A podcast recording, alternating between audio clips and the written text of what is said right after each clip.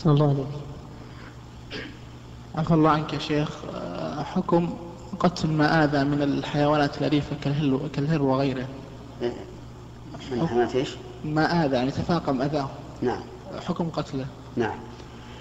آه، الحيوانات تنقسم إلى قسمين. قسم طبيعته الآذى فهذا يسن قتله سواء كان مما نص عليه النبي صلى الله عليه وآله وسلم كالعقرب والفار والكلب عقور أو كان مما سواه مما يشاركه في علة الحكم وهو الأذية ولهذا قال العلماء يسن قتل كل مؤذن. هذا تقتله إذا كان من عادة الأذى حتى وإن لم يؤذك لأنه إن لم يؤذي هذه المرة آذى في المرة الأخرى.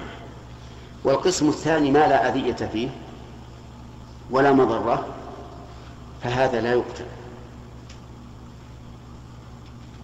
ولكنه ليس حراما ليس قتله حراما إلا أن الأولى عدم قتله. فإن آذاك فلك أن تقتله. دفعا لأذاه.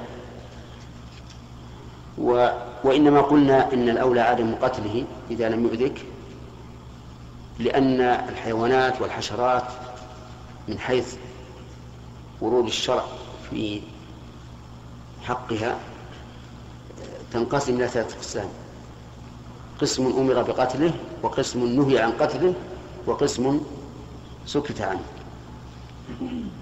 فالذي أمر بقتله مثل ها؟ مثل العقرب الفارة الكلب العقور الحية الوزر وما أشبهه.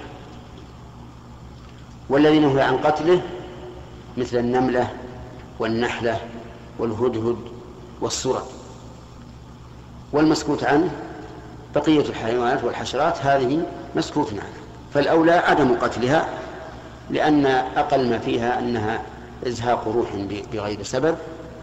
ثم إن بعض العلماء قال إنها ما دامت حية فهي تسبح الله عز وجل.